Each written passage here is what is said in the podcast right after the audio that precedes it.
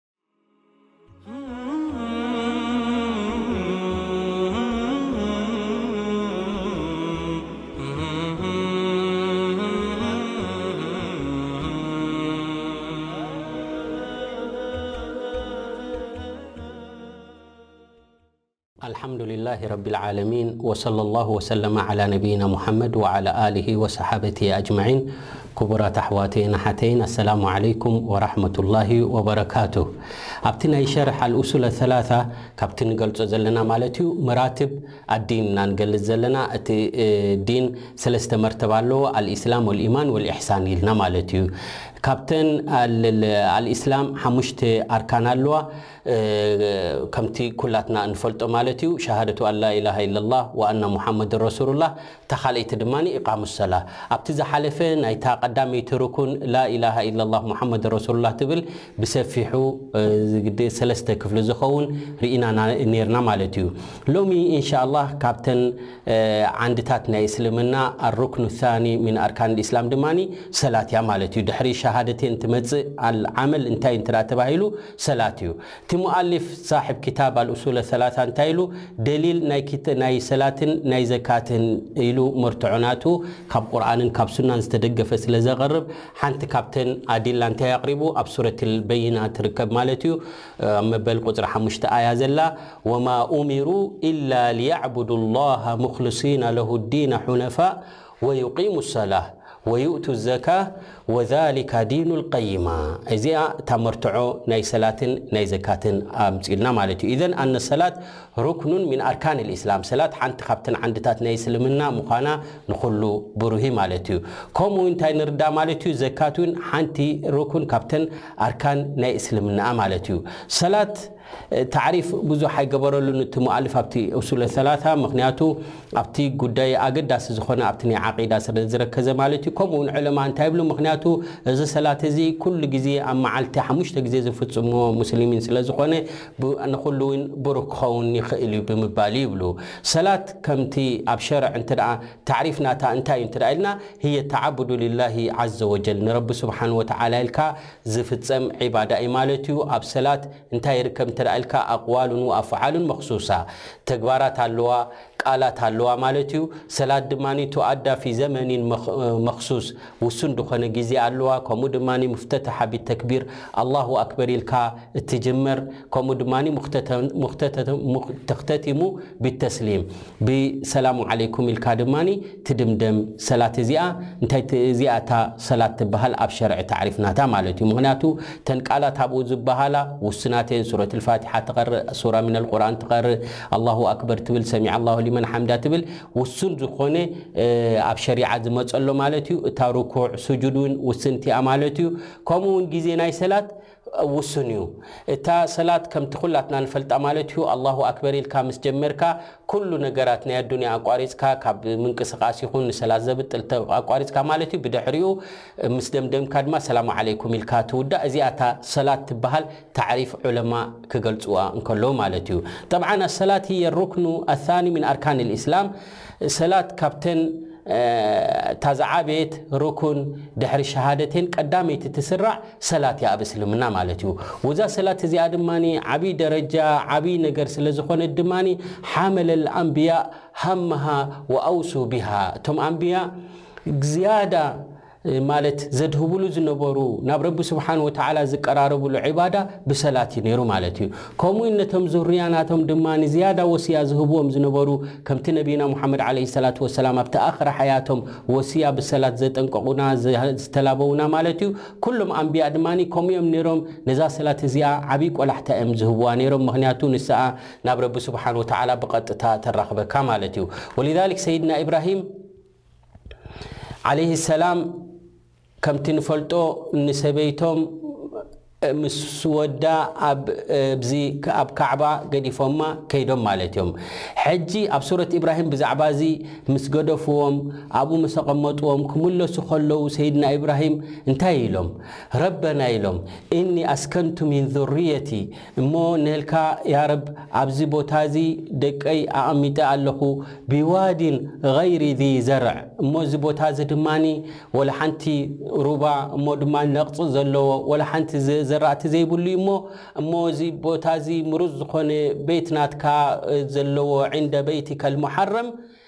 እንታይ እዩ ዝኹሉ እዚ እንተ ኢልካ ኣብኡ ገዲፎሞም ደለዉ ዓጂብ ኾነካ ወላሂ እንታይ ኢሎም ሰይድና ኢብራሂም ረበና ልዩቂሙ ሰላት ኢሎም እምበኣር ከምዚ ዝገብር ዘለኹ ኣብዚ ቦታ እዚ ዘቐምጦም ዘለኹ ኣብዚ ጥቓ ሓረም እዚ ምእንቲ ንሰላት ክሰግዱ ልዩቂሙ ሰላት ኢሉ ተዘቢሉ ዱዓ ናቱ ኣቕሪቡ ናብ ረቢ ማለት እዩ ዘን ፈልጋየት ልኡላ እታ ዝዓበየት ሃደፍ እታ ዝዓበየት ቆላሕታ ዝገብሩላ ዝነበሩ ኣንብያሲ ንሰላት እዩ ማለት እዩ ወየቁሉ ባዕድሃ ብድሕሪኡ እውን ሰይድና ኢብራሂም ኣብ ሱረት ኢብራሂም መበል ኣርባዓ ኣያ እንታይ ኢሎም ረቢ ጀዓልኒ ሙቂመ ሰላ ወሚን ዙርየቲ ረበና ወተቀበል ዱዓ ኢሎም ኣንታ ረቢ ንዓይ ይኹን ከምኡ ድማ ንዞም ስድራይ ስኒ ካብቶም ሰገድቲ ግበረና ኢኻ ኢሎም ዱዓ ገይሮም ማለት እዮም እዘን ሕጂ ንውላድካ ስገድ እንዳበልካ ክትእዝዞ ከለኻ ንስገድ እባ ክትብል ከለኻ እዚ እቲ መንገዲ ናይ ኣንብያ ማለት እዩ እዚ ከኣ ናብ ረቢ ስብሓን ወተዓላ ዘቀራርበካ ማለት እዩ ወሊዛሊክ ረቡና ዓዘ ወጀል ንሰይድና እስማዒል ንኢድዎም ብምንታይ እዮም ተናኢዶም እንተ ደኣ ኢልካ በቲ ዝፍጽምዎ ዝነበሩ ናይ ሰላቶም ማለት እዩ ወሊዛሊክ ረቡና ዓዘ ወጀል ብዛዕባኦም ኣብ ሱረት መርየም እንታይ ኢሉ ወዝኩር ፊ ልኪታቢ እስማዒላ ኢነሁ ካነ ሳዲቀ ልዋዕዲ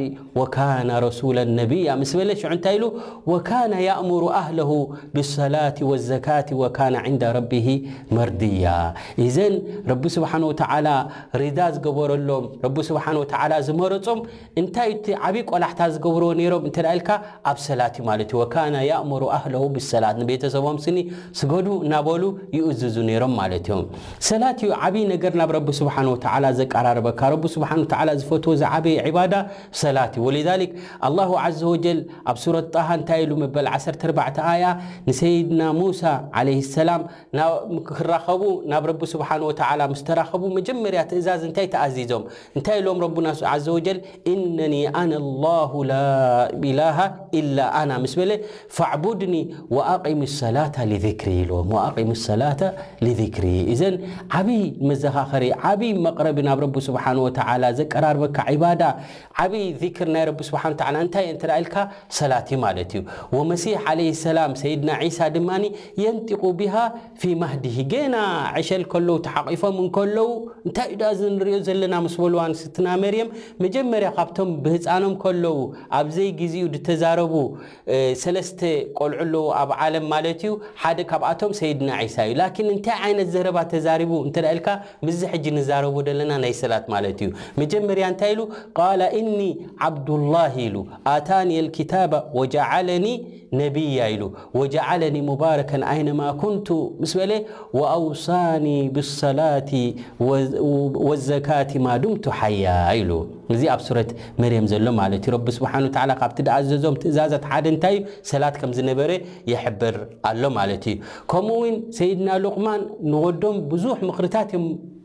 ለጊሰምሉ ብዙሕ ምኽሪታት እዮም መኺሮሞ ማለት እዮም። እቲ ዝዓበየ ሽርኪ ክጥንቀቕ ከም ደሎ ሽርኪ ዓብይ ኣበር ምዃኑ ዓብይ ዙሉም ዓብይ ዓመፅ ምዃኑ ምስ ነገርዎ ሕጂ ናብ ረቢ ስብሓነ ወተዓላ ዘቀራርብ ዓብይ ጉዳያት ክነግርዎ ከለዎ ሓደ ካብኣተን እንታይ ኢሎሞ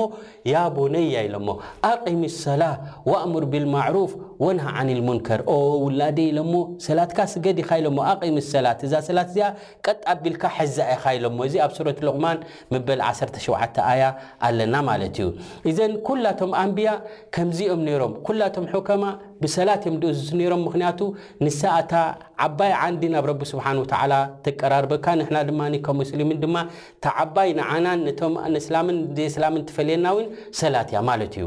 እሞ ነቢያት ከምዚ እንተ ነይሮም ነቢይና ሙሓመድ ዓለይ ሰላት ወሰላም ከ ከመይ ነይሮም ኣብ ሰላት እንተ ኢልካ ዓብይ እጃም እምበር ነይርዎም። ኣነቢ ዓለይሂ ሰላቱ ወሰላም ፈቀድ ኩሊፋ ቢሃ ሁወ ወኡመተሁ ዕንደ ሲድረቲል ሙንተሃ ከምቲ ኖርማል ትእዛዛት ብጅብሪል ገይሩ ድመፅእ ዝነበረ ብዋሕይ ድእዘዝዎ ዒባዳታት ከምኡ ኣይኮነትን ናይ ሰላት። ሰላት ዓብይ ሸኣን ዓብይ ጉዳይ ስለዘለዋ ኣነቢ ዓለይሂ ሰላቱ ወሰላም ምስ ህዝቦም ንዓናውን ክንእዘዝ እንከለና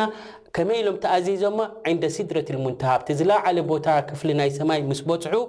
ኣብኡ እዮም ተኣዚዞም። ንምንታይ እንተ ኢልካ፣ ሊዑሉዊ ሻእኒሃ፣ ዝለዓለ ዓብዪ ጉዳይ ስለ ዝዀነት ማለት እዩ፣ ከምኡውን ወከቢሪ ሰዋቢሃ፣ ዓብዪ ደረጃ፣ ዓብዪ ኣጅሪ ስለ ዘለዋ፣ እዛ ሰላት እዚኣ እምበኣር፣ ብፍሉይ ትእዛዝ ድማ ኣነቢ ዓለይሂ ሰላቱ ወሰላም፣ ተኣዚዞማ ማለት እዮም ካብዚ ኩሉ ዒባዳ ታቲ ረቢ ድኣዘዘና እዚኣ ፍልይቲ ትእዛዝ ተዋሂብዎም ንረሱል ዓለይሂ ሰላቱ ወሰላም ወነብይ ዓለይሂ ሰላቱ ወሰላም እንታይ ኢሎም ወጁዒለት ቁረተ ዓይኒ ፊ ሰላት ኢሎም ያዕኒ ርግኣት ቅሳነት እፎይታ ዝረኽብሉ ዕረፍቲ ዝረኽብሉ ኣነቢ ዓለይሂ ሰላቱ ወሰላም ኣብ ምንታይ እዩ እንተ ኢልካ እዚ ኣብ ሪዋየት ትርሚዚ ደሎ ማለት እዩ ወቀድ ረዋሁ ነሳኢ ወሳሓው ልሓከም ወጁዒለት ቁረቱ ዓይኒ ፊ ሰላት ኢሎም እዘን ሰላት ዓብይ ደረጃ ዓብይ ቆላሕታ እዩ ዘለዋ ማለት እዩ እዘን ሃዚህ ሰላት ሙተኣኪዳ ያዕኒ ፈርድየታ ግዴታኣ ስኒ ያዕኒ ብምንታይ ይረጋገፀልና እንታይ ኢልካ ምን ሓይሱ መካኒ ፈርድየትሃ ኣበይ ተኣዚዛ እንት ኢልካ ኣብ ሰማይ ወዘማኒ ፈርድየትሃ ኣብ ለይለት ልእስራእ ወልምዕራጅ ተኣዚዛ ወከይፍየት ዋሕይ ላሂ ቢሃ ኢላ ረሱሊሂ ሰለ ላሁ ዓለይሂ ወሰለም ንረሱል ዓለይሂ ሰላቱ ወሰላም ረቡና ዓዘ ወጀል ብቐጥታ ነጊርዎም ማለት እዩ ሱመ ኢነሃ ሙኣከዳ ቢኣነ ላሃ ፈረደሃ ዓላ ረሱሉ ላሂ ሰለ ላሁ ዓለይሂ ወሰለም ኸምሲነ ሰላት ፊል የውሚ ወለይላ መጀመርያ ክእዘዙ ከለዉ ነቢ ዓለይሂ ሰላቱ ወሰላም ሓምሳ ሰላት ክትሰግድ ንስኻን ኡመትካን ተባሂሎም እዮም ተኣዚዞም ነይሮም ማለት እዮም ዳሕራይ ተኸፊፋ ሓሙሽተ ኮይና እወ ብ ሓሙሽተ እኮ ብተግባር ተኾነት ኣብ ኣጅራ ላኪን ክንዲ ሓምሳ ኣጅረ ንኸስበላ ማለት እዩ ወሃዛ ደሊል ዓላ መሓበት ላሂ ለሃ ረቢ ስብሓን ወተዓላ ማዕረ ክንዲ ምንታይ ከም ድፈትዋ ነዛ ሰላት ኣብ ማዕረ ክንዲ ምንታይ ብልፀት ከም ዘለዋ ኣብ ቅድሚ ረቢ ይበርሃልና ማለት እዩ ኢዘን ወኣነሃ ጀዲሩን ቢኣን ዩፍኒ ልኢንሳን ሙዕዘመ ወቅትሂ ፊሃ እቲ ዝበዝሕ ግዜኻ ኣብ ሰላት እንተ ኣሕሊፍካዮ እዝኒ ኣብ ዓብይ ደረጃ ኣብ ዓብይ ብልጸት ኢኻ ዘለኻ ማለት እዩ ምኽንያቱ ሓምሳ ሰላት ውን ከምዘላቶ ቆይማ ነይራ ተትኸውን ተኣዚዝናዮ ነርና ተንኸውን ካብ ግዜ ናይ ዕምርና ክንድምታይ ምወሰደት ነይራ ማለት እዩ ኢዘን እቲ ዝበዝሕ ግዜኻ ኣብዚ ናይ ሰላት ወቅቲ እንተ ኣሕሊፍካዮ እዚ እቲ ዓብይ ብልጫ ዝብሃል ማለት እዩ ኢዝ ሂያ እዛ ሰላት እዚኣ ኣሃምል ዒባዳት በል ህያ ኣሃምል ዒባዳት ባዕደ ኣሸሃደተይን ድሕሪ ተን ሸሃደተይን ላኢላሃ ኢለላህ ሙሓመድ ረሱሉላህ እታ ዝዓበየት ናብ ረቢ ስብሓነ ወተዓላ ተቀራርበካ ዒባዳ እንታይ ኢልካ ደኣ ኢልካ ሰላት እያ ማለት እዩ ወጀዓለሃ ኣላሁ ተዓላ ኣሲፈት ልኡላ ልልሙእሚኒን ኣልሙፍልሒን እቶም ዕዉታት ዝኾኑ ናታቶም መግለጺ ረቢ ሱብሓነሁ ወተዓላ ክገልጽ እንከሎ መጀመርያ መለክዒ፣ መምዘኒ፣ ናታቶም ብምንታይ እዮም ተዓዊቶም እንተ ኢልካ ምኽንያቱ ሰላቶም ዝሕልዉ ሰላቶም ብግቡእ ጌሮም ዝፍጽሙ ዝኾኑ እዚኣቶም ፋሊሒን ሙፍሊሒን ኢልዎም ረቢ ሱብሓነሁ ወተዓላ ማለት እዩ ወሊዛሊክ ኣብ ሱረት ኣልሙእሚኑን እንታይ ኢሉ ረቡና ዓዘወጀል ቐድ ኣፍለሓ ኣልሙእሚኑን ኣለዚነ ሁም ፊ ሰላቲሂም ኻሽዑን ኣብ ሰላት ናቶም ኹሹዕ ዘለዎም ኢሉ ረቢ ስብሓን ወተዓላ ንኢድዎም ማለት እዩ ኢዘን ሰላት ንሰኣ እታ ናብ ረቢ ስብሓን ወተዓላ ተቀራርብ ሰላት ምግዳፍ ድማ እዚ ሓደ ካብቲ ኣስባብ ናይ ድኹል ኣህሊ ናር ማለት እዩ ሰብ ጀሃንም ጀሃንም ዝኣትውሉ ምክንያት ሓደ ካብኡ እንታይ እንተ ኢልካ ሰላት ብዘይ ምስጋድ ማለት እዩ ወሊዛሊክ ረቡና ዓዘ ወጀል ብዛዕባ እቶም ኣብ ሓዊ ጀሃንም ዝኣተዉ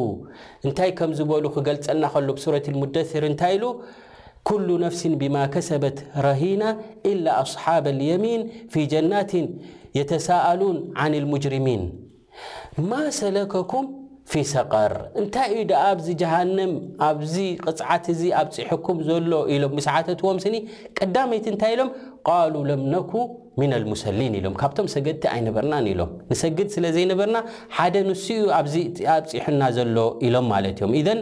ሰላት ዓብይ ደረጃ ዘለዋ ክቡራት ኣሕዋት ዝኾነ ይኹን እሙር ዘጸግም ውን ደሸግር ውን ክመጸካ እንከሎ እስተዒን ብሰብሪ ወሰላት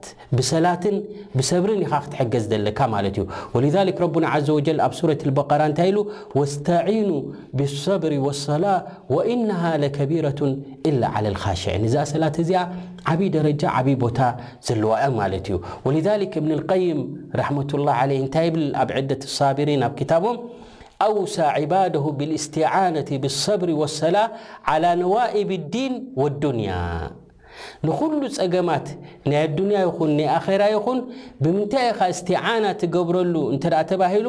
ብሰብሪ ወሰላት ኢሉ ሁማ ኣልዓውናን ዓላ መሳሊሒ ኣዱንያ ወልኣኼራ ንኣዱንያን ንኣኼራን ዓብይ ደገፍ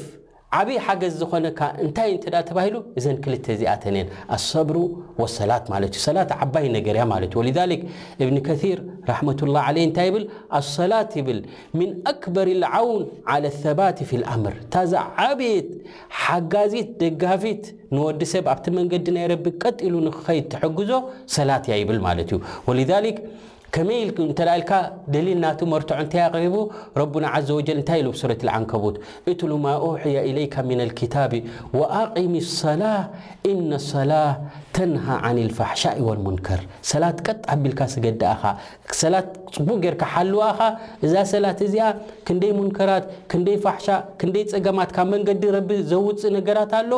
እዚኣ እንታይ ክትገብረካ ክትመልሰካ ኣብ ቅኑዕ መንገዲ ከተእትወካ በስ ሓልዋ ኣኻ ነዛ ሰላት እዚኣ ኢዘን ከምዚ ዝበሎ እብኒ ከሲር ራሕመቱላ ዓለይ ኣክበሩ ልዓውን ዓለ ሰባት ዝዓበየ ሓጋዚ እስቲቃማ ንክትገብር ቀጥ ኢልካ ኣብቲ መንገዲ ናይ ረቢ ንክትጓዓዝ ዝሕግዘካ እንታይ እንተ ተባሂሉ ሰላት እዩ ማለት እዩ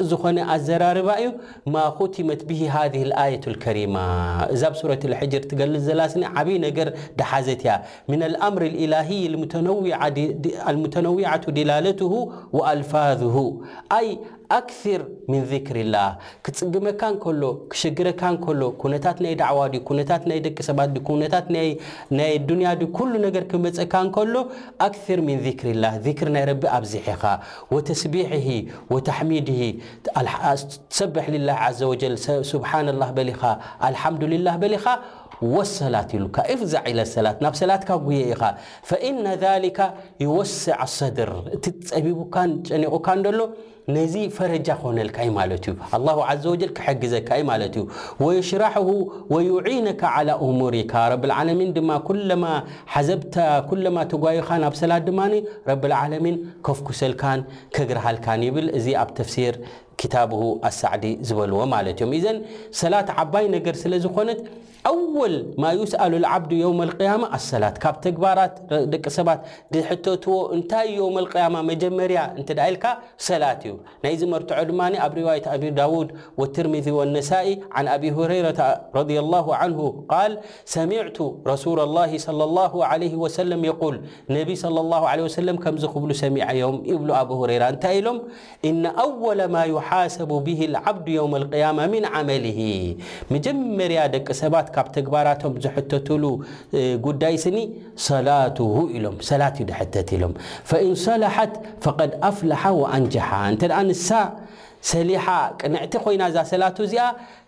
ኩሉ ነገራቱ ድማ ዕዉት ይኸውን ማለት እዩ። ወኢን ፈሰደት ሰላቱ ግን ጉድለት እንተ ነይርዎ ሽግር እንተ ነይርዎ ብሰላት ላኪን ፈቀድ ኻበ ወኸሲር ዓብይ ጉድለት ዓብይ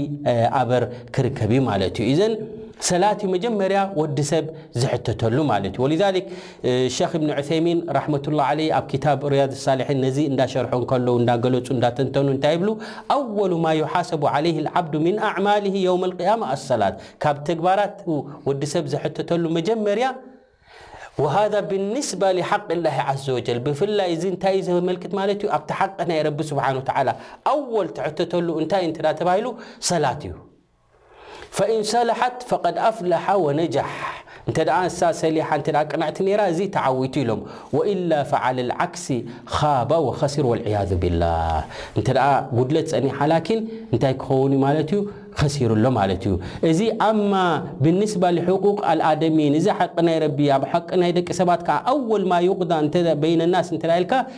ፍዲ ማእዩ ደም እዩ ማለት እዩ እዘን እዚ እንታይ ከረዳኣና ማለት እዩ እዛ ሰላት እዚኣ ዓብይ ደረጃ ዓብይ ቆላሕታ እዩ ዘለዋ ማለት እዩ ወሊዛሊክ ፉሪደት ለይለት ልምዕራጅ ሒነ ዓረጀ ነቢዩ ሰለ ላሁ ዓለይሂ ወሰለም ቀብለ ልሂጅራ ቢናሕዊ ሰላስ ሰነዋት ኣብቲ ኣዋኢል ናይ ዋሒ ምስ ወረዶም ሽዑ እያ እውን ተፈሪዳ ምክንያቱ ሰላት ብዓብዩ ናብ ረቢ ተቀራርብ ስለ ዝኾነት ኣብ ለይለት ልእስራ ወልምዕራጅ ተኣዚዛ ማለት እዩ እወ ሰላት መጀመርያ ክትፍረድ እንከላ ረክዓቴን ረክዓቴን ነይራ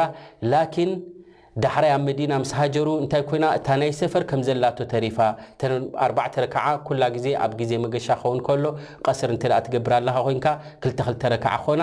እታ ፈጅሪ ከም ደላቶ ተሪፋ እታ ውትሪ ድማ እታ መቅሪብ ድማ ሰለስተ ኮይና ተሪፋ ማለት እዩ ከም ዘላቶ ማለት እዩ ኢዘን እዚ ሰላት እዚ ዓብይ ቆላሕታ እዩ ዘለዎ ከምኡ ስለ ዝኾነ እዩ ድማ ኣብ ቁርኣን ክርኢ ከለና ወዩቂሙ ሰላት ይብል ወኣቃሙ ሰላት ኢቃሙ ሰላት ኣቂሙ ሰላት ይብል ኢቃማ ብማዕና ብግቡእ ጌርካ ብሽሩጥ ናታ ብዋጅባት ናታ ብኩሉ ኣማሊእካ ክትስገድ ዘለዋ ሰላት ጉድለት ዘለዋ እንተ ኮይና እንተ ተጉድል ኮንካ ኣብ ኸጠር ኢኻ ዘለኻ ምክንያቱ እናሰገድካ ከለኻ ጉድለትካ እንተ ዘይትፈልጦ ኮንካ ብዘይ ግቡእ ወይ ድማ ጉድለት እንዳ ሃለወ እንተ ትሰግድ ኮይንካ ውን ኸጠር እዩ ምኽንያቱ ኣብኪ ኣብ ሳሒሐን ፊ ርዋየት ኣልቡኻሪ ወሙስሊም ሓደ ሰብኣይ ሰጊዱ መጺኡ ንረሱል ሰለላሁ ዓለይሂ ወሰለም ሰላሙ ዓለይካ ምስ በሎም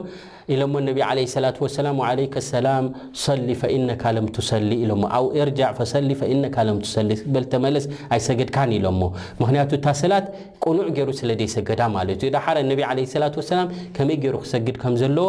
ኣርእዮሞ ማለት እዮም። ኢዘን እዛ ሰላት እዚኣ ሓንቲ ካብተን ኣርካን ኣልኢስላም እያ፣ እሞ ድማ ዓብይ ቆላሕታ ክንገብረላን ክንግደሰላን ዘለና ዒባዳ ሰላት ስለዝኾነት ኣብ ሰላት ዘለና ትኹረት ኣብ ሰላት ዘለና ኣቃልቦ